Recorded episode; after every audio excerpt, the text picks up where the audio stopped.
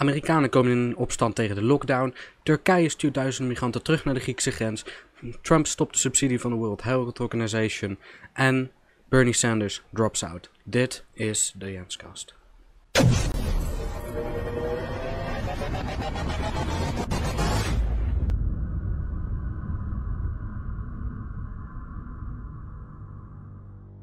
Om haar onzichtbare ministerschap toch nog een beetje kleur op de wangen te geven, begint ze een heilige oorlog, een heroïsche strijd. Dit gaat haar ministerschap definiëren.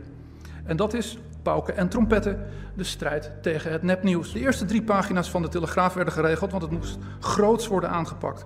Waar was jij toen je het hoorde? Een standbeeld voor Ollengren is nog slechts een kwestie van tijd. Ook wordt een heel apparaat opgetuigd, de EU Taskforce. Baas wordt mevrouw de Kok-Buning, iemand die biertjes drinkt met Ollengren te Londen en als dank bereid is mevrouw Ollengren te tippen als onze volgende premier. Maar al snel verzandt de boel. Het debat betekent voor Ollengren weer het bekende gestuntel. Ze kan niet bij benadering definiëren wat het nou is, nepnieuws. Na urenlang trekken komt ze met één mager voorbeeld. De Russische ambassadeur heeft iets gezegd rondom de MH17 dat niet klopt. Doe maar. Let's get Brexit done and let's take this country forward. Een internationaal recht bestaat niet. Dat bestaat allemaal niet. Het is allemaal in jullie hoofd. Dat, dat is niet echt. Don't be rude. No, I'm not going to give you a question. I'm not going to give you a question. You are fake news. My country, Israel, the one and only Jewish state.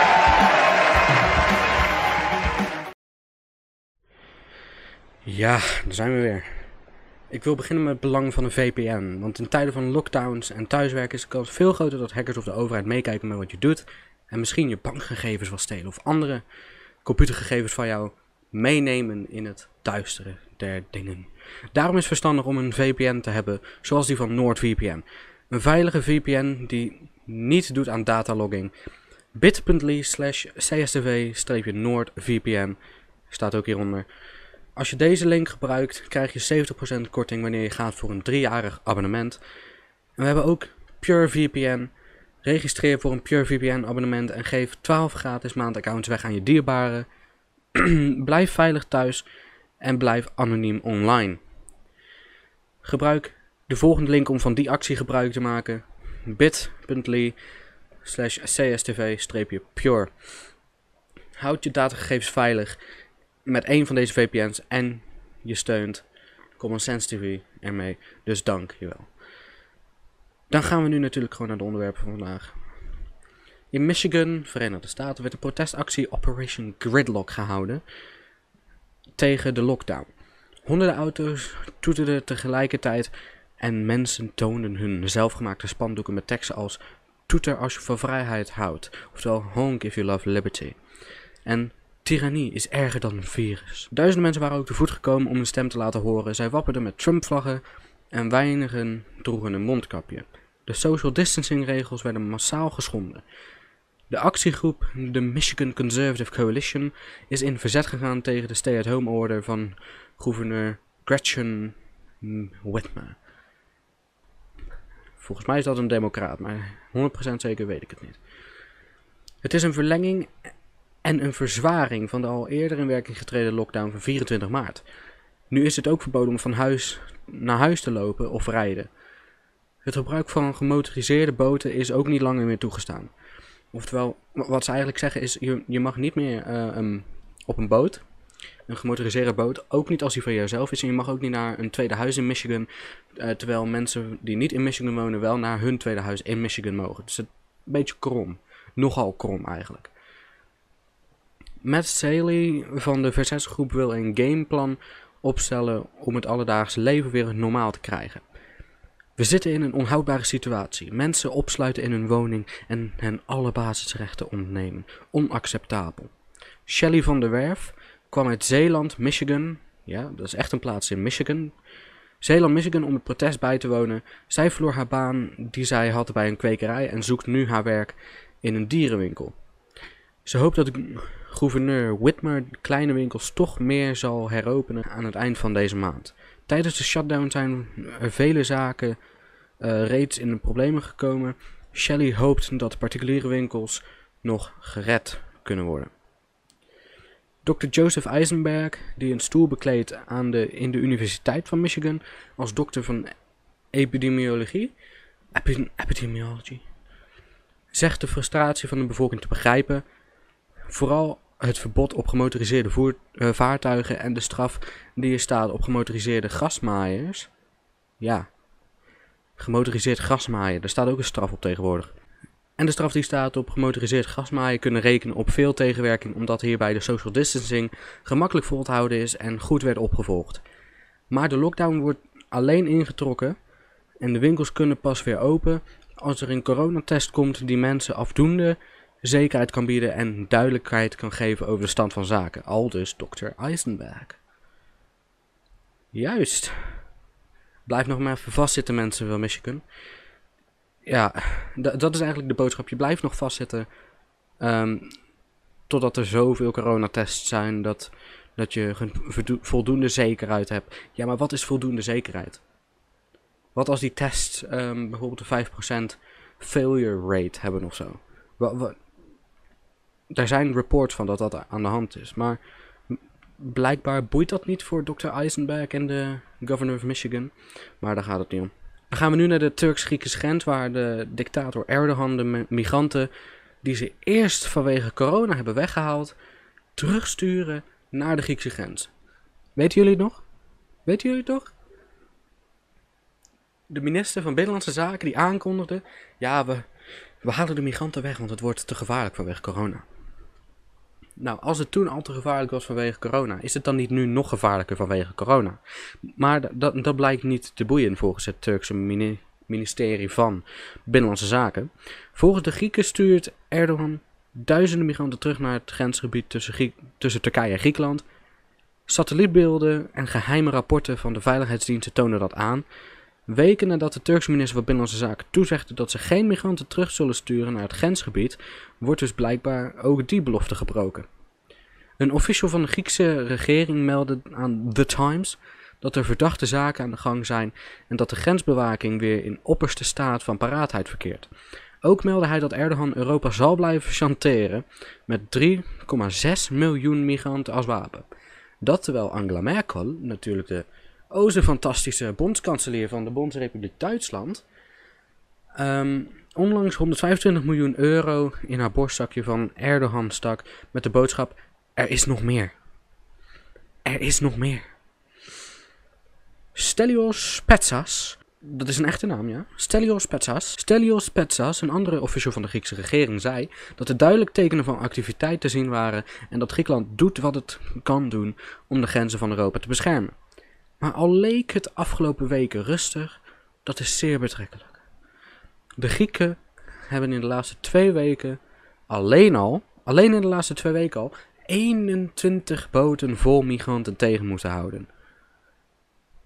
21 boten vol migranten. Afkomstig vooral vanaf Griekse wateren. Uh, nee, vanaf Turkse wateren. Dus rustig was het niet. Rustig was het niet. totaal niet zelfs. En ook al was het te gevaarlijk vanwege corona. Waarom sturen ze ze dan nu weer terug wanneer het lijkt op zijn minst dat corona zijn piek bereikt? Dat snap ik niet. Het zal wel iets te maken hebben met Oost-Duitse praktijken. Dan gaan we nu naar de Verenigde Staten. Want natuurlijk hebben we de Verenigde Staten waar president Trump weer de media heeft opgeschud met de volgende video. Jongens, enjoy. Most importantly, we're going to get back onto the reason we're here, which is the success we're having. Okay? Uh, please, you could put it on. Thank you.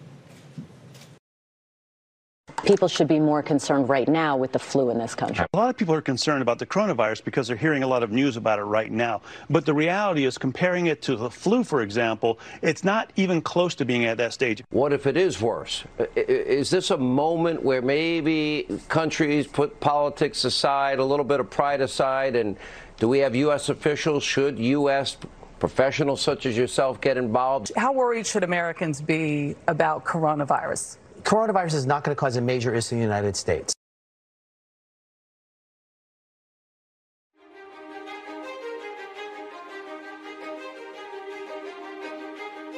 Well, we've asked them to accelerate whatever they're doing in terms of a vaccine. We will be suspending all travel from Europe to the United States for the next 30 days. To unleash the full power of the federal government in this effort today, I am officially declaring a national emergency. Medicare patients can now visit any doctor by phone or video conference at no additional cost. The first 1 million masks will be available immediately. As there were more cases, and it was clear that it was spreading out of China, where it originated. The president took this move that he was widely criticized for by Democrats and even some Republicans at the time, which was he halted a number of flights from China into the US. The idea was to halt the spread of the disease, keep transmissions to a minimum. He was accused of xenophobia. He was accused of making a racist move. At the end of the day, it was probably effective because it did actually take a pretty aggressive measure against the spread of the virus.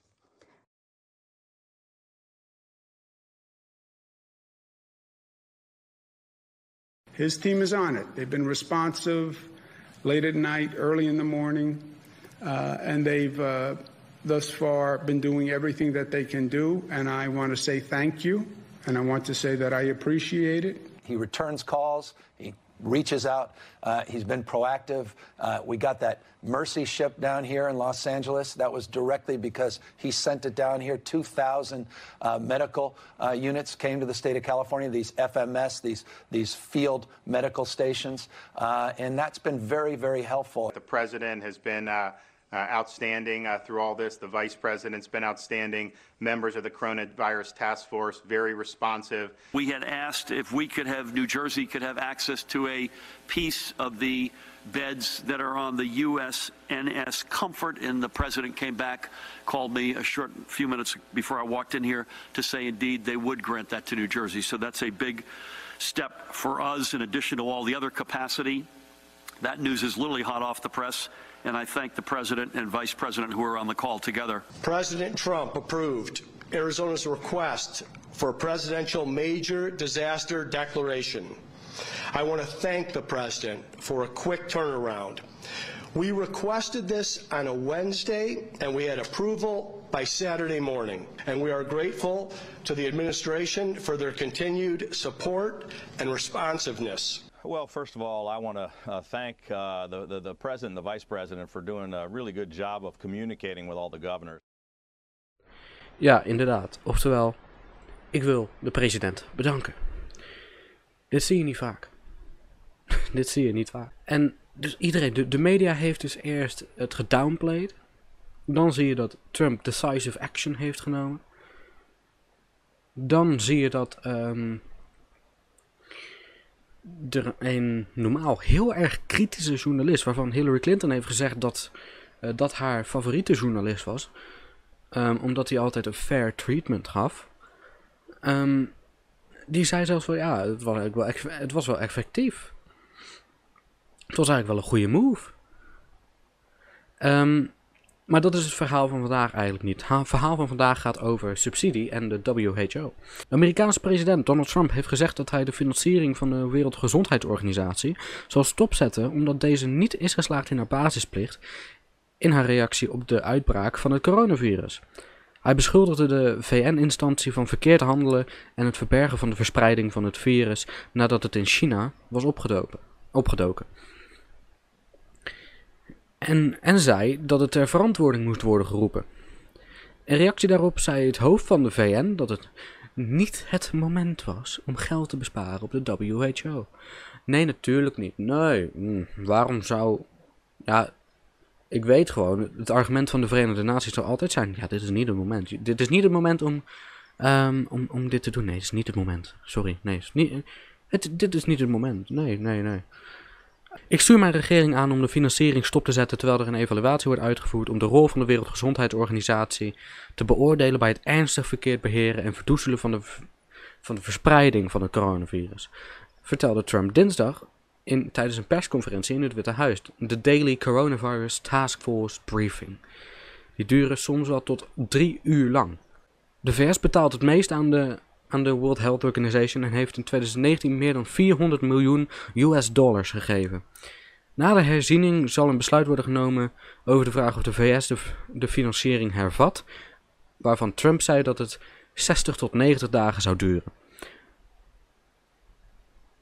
De WHO moet nog rechtstreeks reageren, maar VN-secretaris-generaal Antonio Guterres zei dat de internationale gemeenschap zich moet verenigen in solidariteit om dit virus te stoppen. Ik ben van mening dat de Wereldgezondheidsorganisatie moet worden gesteund, aangezien deze absoluut cruciaal is voor de inspanningen van de wereld om de oorlog tegen COVID-19 te winnen, zei Antonios Guterres. De Duitse minister van Buitenlandse Zaken tweette dat het versterken van de ondergefinancierde WHO een van de beste investeringen was die op dit moment konden worden gedaan. Right. In het AD werd ook de rol van China besproken. Er, er was iemand um, van het instituut Klingendaal uh, die werd geïnterviewd en die zei, en I quote, ja, dat betreft vooral een tweet die rond 10 januari is verstuurd, waarbij de WHO al wel kon weten dat er besmetting van mens op mens was bij dit nieuwe coronavirus. Mensen vanuit Taiwan zouden daar al op hebben gewezen. Maar de Chinese autoriteiten ontkenden dat, omdat China een lidstaat is van de WHO en de regel is dat de lidstaat die, die een uitbraak meldt ook leidend is in de berichtgeving.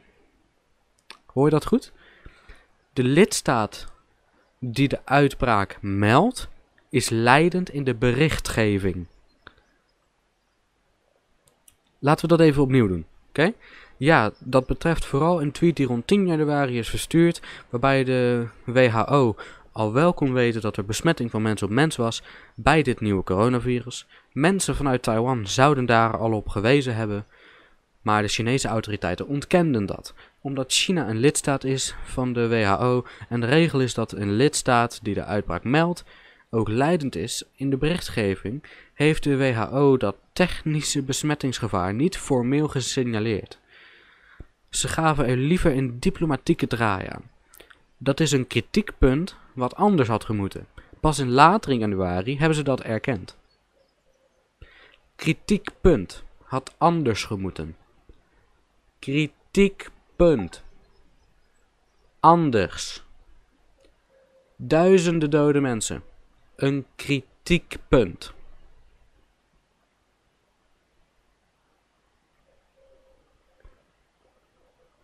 Hier zit heel veel frustratie in. Echt, ik, ik zweer het, hier zit heel veel frustratie in. En dan hebben we ook nog de gekke communist. Kennen we hem allemaal nog? Bernie Sanders. Hij heeft, volgende, uh, hij heeft vorige week aangekondigd zijn campagne niet voor te zetten. Oftewel, Bernie Sanders kapt ermee. Let's dive in, shall we? Bernie Sanders, de onafhankelijke senator van Vermont, stopt uit de race om de democratische presidentskandidaat te worden. Daarmee heeft, daarmee heeft hij Joe Biden de nominatie gegeven. Ik wou dat ik je beter nieuws kon geven. Maar ik denk dat je de waarheid kent. En dat is dat we nu zo'n 300 afgevaardigden zijn achter vice-president Biden. En de weg naar de overwinning is vrijwel onmogelijk, zei, zei Bernie Sanders in de livestream na het gesprek met zijn campagneteam.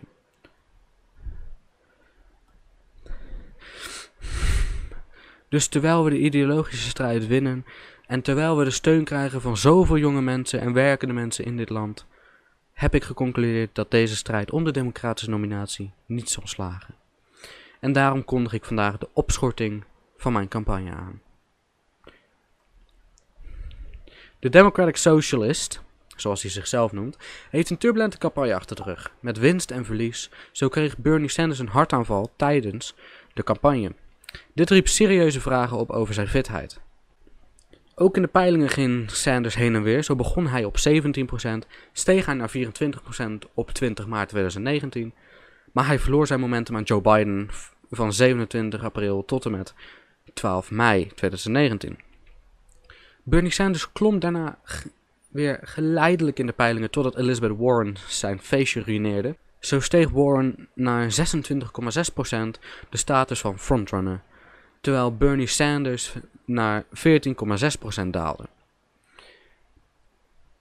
Na de ineenstorting van Warren's campaign steeg Sanders weer in de peilingen en bereikte op 10 februari 2020 de status van frontrunner. Toen de campagne van Joe Biden ineen leek te storten. Toen Biden daalde van 27 naar 18 procent in 10 dagen. 10 dagen. 9 procent dalen in 10 dagen. Dat is wel echt heel erg veel. Die status verloor Bernie op 3 maart toen Joe Biden weer boven Sanders kwam, omdat Pete Buttigieg, Michael Bloomberg, Elizabeth Warren en Amy Klobuchar uit de race stapten en zich achter Joe Biden schaarden. Nu Joe Biden tegen de 60% heeft in de peilingen, ziet Bernie Sanders de mogelijkheid niet meer om de nominatie te winnen. Een paar minuten nadat bekend werd dat Bernie Sanders uit de race stapte, reageerde Donald Trump natuurlijk op Twitter. Bernie Sanders is out. Thank you to Elizabeth Warren. If not for her, Bernie would have won almost every state on Super Tuesday. This ended just like the Democrats and the DNC wanted. Same as the crooked Hillary fiasco. The Bernie people should have come to the Republican Party. Trade. Ja, inderdaad. Oftewel, Bernie Sanders is out. Dankjewel Elizabeth Warren. Zonder haar zou Bernie elke staat op Super Tuesday hebben gewonnen. Dit eindigde precies zoals de Democraten wilden. Hetzelfde als de Crooked Hillary fiasco.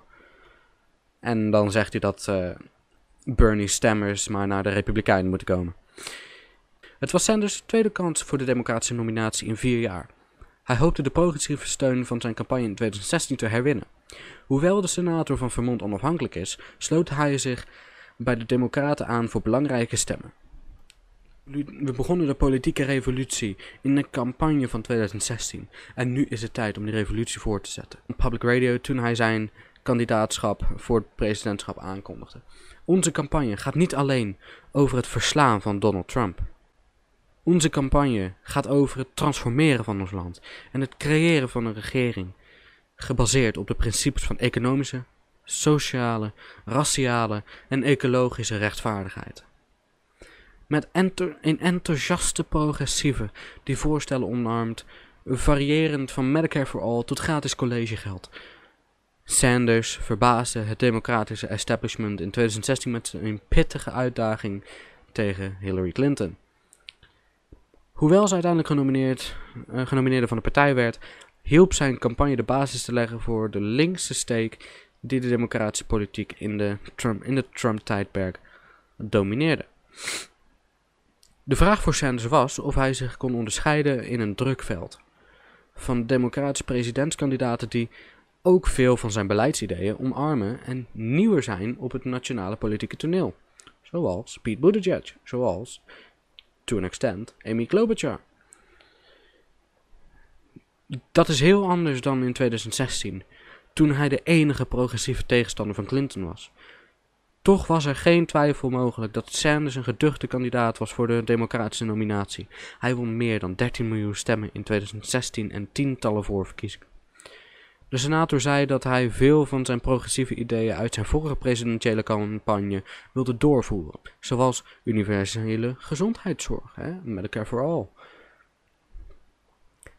verhoging van het minimumloon en verlaging van de studentenschuld. Sanders gaf toe dat het een heel andere campagne was vergeleken met de campagne van 2016. Omdat hij zal vechten tegen de kandidaten voor de nominatie die ook zijn ideeën deelt. Sanders beschreef zijn bod voor het Witte Huis als een voortzetting van wat we in 2016 hebben gedaan. Hij merkte op dat het beleid waar hij toen voor pleitte, nu wordt omarmd door de Democratische Partij. Oké, wij hebben nu, eigenlijk hebben we nu de podcast ongeveer afgerond. We hebben alles besproken. Hè? Bernie Sanders die um, weggaat, hij predicted. Um, Trump die de funding haalt. De video van Trump, die ik zelf best wel goed uh, vond uiteindelijk. Was een uh, goede weerspiegeling van de media. Het was eigenlijk gewoon, ze hebben gewoon, Trump heeft gewoon een spiegel voor de media gehouden met die video. Gewoon een spiegel. Gewoon van, kijk, dit, dit hebben jullie gedaan. Wij hebben ongeveer hetzelfde gezegd. Um, en wij hebben actie ondernomen. Dus gewoon de spiegel voorhouden. En ja, ik wil jullie bedanken voor het luisteren naar deze podcast. Of voor het kijken natuurlijk, ligt eraan wat je doet. En ehm, ik wil zeggen, ja, tot waarschijnlijk tot volgende week. Ligt er een beetje aan hoe het allemaal loopt. Hè? Het is een beetje hectisch. We moeten de orders van Vladimir moeten we krijgen.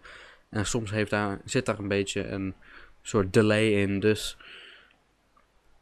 stay tuned. Het, het komt eraan. Tot de volgende Jenskast.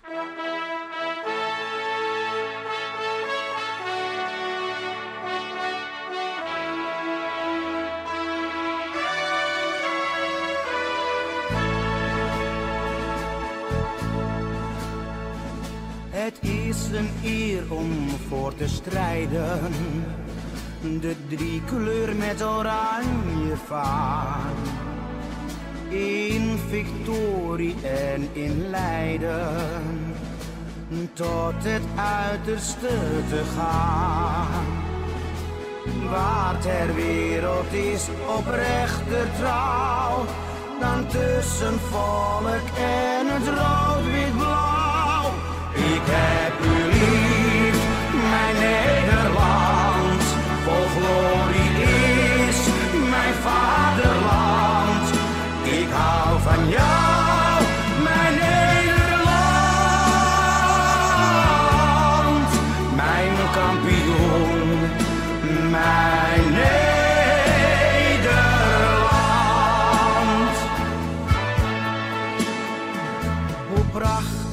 is het te beleven.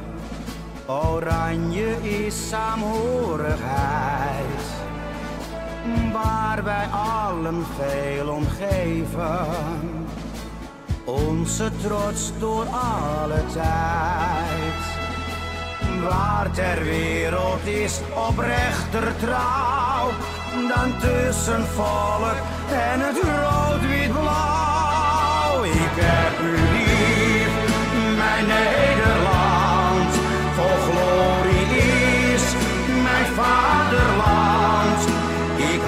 Vanya.